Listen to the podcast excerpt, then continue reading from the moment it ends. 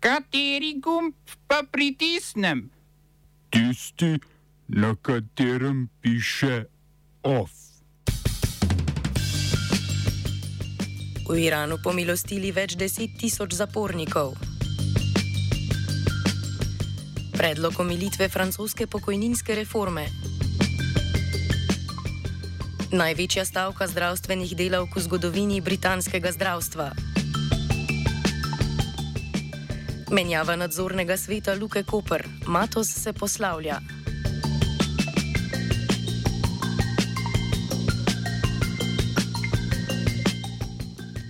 Iranski vrhovni voditelj Ajatola Ali Hamenej je najavil pomilostitev več deset tisoč zapornikov. Kot poroča iranska tiskovna agencija IRNA, gre za pomilostitev v luči 44. obletnice islamske revolucije. Pomilostitev ne velja za zapornike, ki čakajo na smrtno kazen, tiste z dvojnim državljanstvom in tiste, ki so obtoženi korupcije na zemlji, torej za kršitve, ki so jih v veliki meri obtoženi aktualni iranski protestniki. Ajatola Hamenej sicer pravi, da bo pomilostitev veljala tudi za več kot 20 tisoč zaprtih protestnikov, ki v Iranu protestirajo od sredine lanskega septembra zaradi smrti Mese Amini. Pomilostitve vključujejo ponudbe delne in popolne amnestije ter krajšanje zapornih kazni. Pri tem so zaporniki lahko izpuščeni, če izrazijo obžalovanje svojih dejanj in napišejo pisno opravičilo, v katerem zagotovijo, da storjenih dejanj ne bodo ponovili.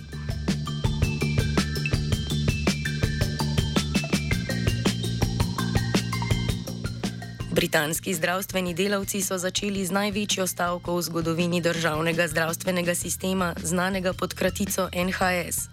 Stavka več deset tisoč medicinskih sester in reševalcev, ki od konca lanskega leta zahtevajo zvišanje plač. Vlada njihovim zahtevam ne želi ugoditi in trdi, da si država tega ne more privoščiti.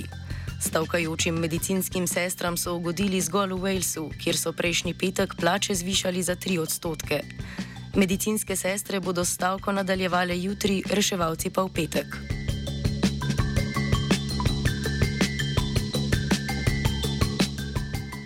Francoska vlada je ponudila omilitev načrtovane pokojninske reforme. Premijejka Elizabeth Born je predlagala, da bi se vsi, ki so začeli delati med 20 in 21 letom, lahko upokojili pri 63, ne 64 letih. Razprava o pokojninski reformi se je v francoskem parlamentu začela danes, s predlogom premijejke pa vlada Emanuela Macrona želi pridobiti podporo desnih republikancev. Brez njihove podpore manjšinska vladna koalicija reforme ne more sprejeti. Born je napovedala tudi sodelovanje z demokratičnim gibanjem, ki zahteva, da vlada pokojninsko reformo uvede do leta 2027 na mesto do leta 2030. Omilitev reforme bo letno stala med 600 milijonov in milijardo evrov, nanašala pa se bo na približno 30 tisoč ljudi. Francoska vlada pri pokojninski reformi ustraja, kljub temu, da proti reformi potekajo množični protesti in stavke. Protestniki in sindikati nasprotujejo zvišanju upokojitvene starosti za dosego celotne pokojninske dobe z 62 na 64 let. Reformo je predsednik Emmanuel Macron neuspešno skušal izvesti že v svojem prvem mandatu, njeno izvedbo pa obljubljal tudi v predvolilni kampanji pred lanskimi volitvami.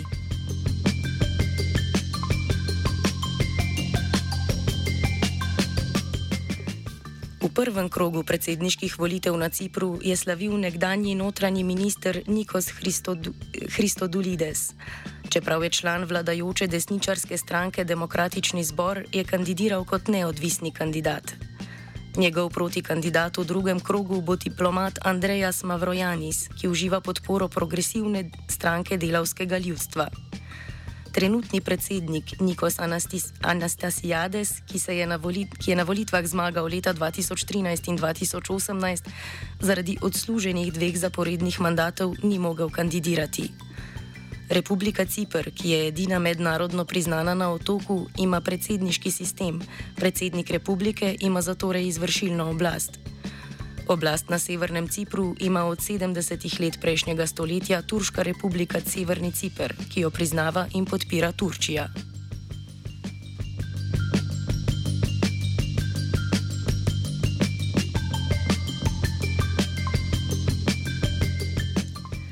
Vzhodnoafriški voditelji so poznali, pozvali k premirju v Demokratični republiki Kongo, kjer že več kot 20 let potekajo oboroženi spopadi med državno vojsko in več kot 100 oboroženimi skupinami, ki so aktivne v regiji vzhodnega Konga. Poziv je bil podan na srečanju vzhodnoafriške skupnosti. Generalni sekretar skupnosti Peter Matuki je vse akterje v sporu pozval, naj nove kršitve prijavijo vzhodnoafriški skupnosti, ki naj bi razreševala spor. Kongovska vlada sosednjo Ruando obtožuje podpiranja oborožene skupine M23, sestavljene iz tucijske etnič, etnične manjšine. Ruanda obtožbe zanika, prejšnji mesec pa je njena vojska streljala na kongovsko vojaško letalo, ki naj bi kršilo ruanski zračni prostor.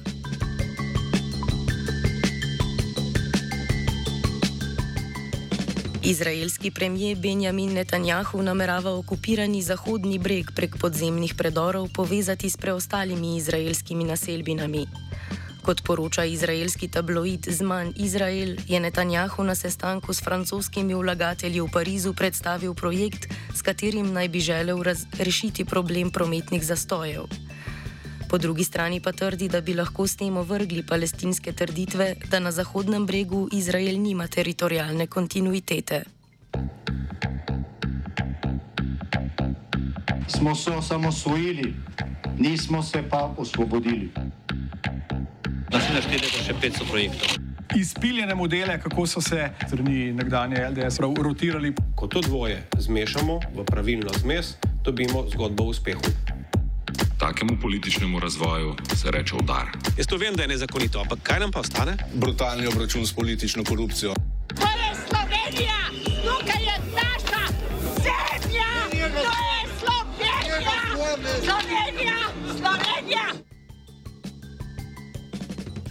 Luka Koper je dobila pet novih nadzornikov. Delničari so na skupščini v nadzorni svet imenovali Boruta Škraba, Škabarja, Barbaro Nose, Jožefa Petroviča, Boštjana Raderja in Mirka Bandlja. Na izredni skupščini Luke Koper so delničari razrešili štiri člane nadzornega sveta, ki so bili imenovani v času vlade Jane Zajanše.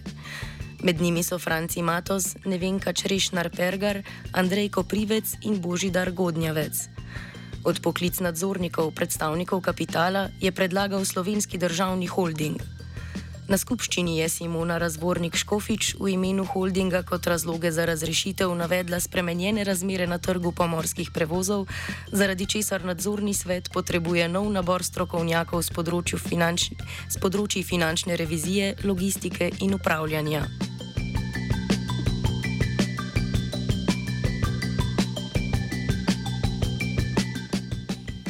17 nevladnih organizacij za varstvo človekovih pravic je v pismu premijeju Robertu Golobu izrazilo svoja pričakovanja glede novega vodstva notranjega ministerstva. V pismu so predstavili šest zahtev, med katerimi so nova strategija na področju migracij, prenova zakona o mednarodni zaščiti in zakona o tujcih, priprava zakona, ki bi uredil položaj otrok brez spremstva, ureditev položaja izbrisanih, prenova zakona o javnih zbiranjih ter izboljšava ukrepov na področju nasilja v družini in nasilja nad ženskami. Čeprav premije novih ministerskih kandidatov še ni predstavil, za najverjetnejšega kandidata velja Boštjan Poklukar.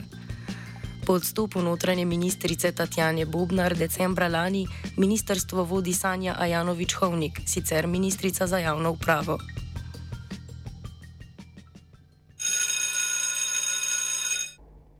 Akademskih 15.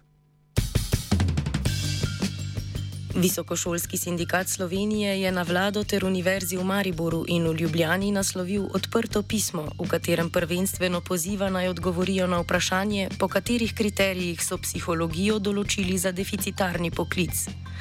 Nadalje poziva naj objavijo še dokumente s strokovno utemeljitvijo, na podlagi katere so sprejeli odločitev za povečanje števila upisnih mest na študijskih programih psihologije, vključno s finančnim načrtom in navedbo vira. Spomnimo, vlada je soglasje k razpisu za upis na študijske programe za študijsko leto 2023-2024 dala potem, ko je povečala število upisnih mest za program radiološka tehnologija in psihologija. V Ljubljani je število študentke psihologije poskočilo za 30, z 60 na 90, v Mariboru z 35 na 50. Sindikat v odprtem pismu navaja, da naj bi neformalno pobudo za povečanje števila mest podala Univerza v Ljubljani, a do zaključka redakcije odgovora Univerze še nismo prejeli. Ovsta pripravili vajenka Neva in Zala, univerzitetno novico je prispevala Hanna.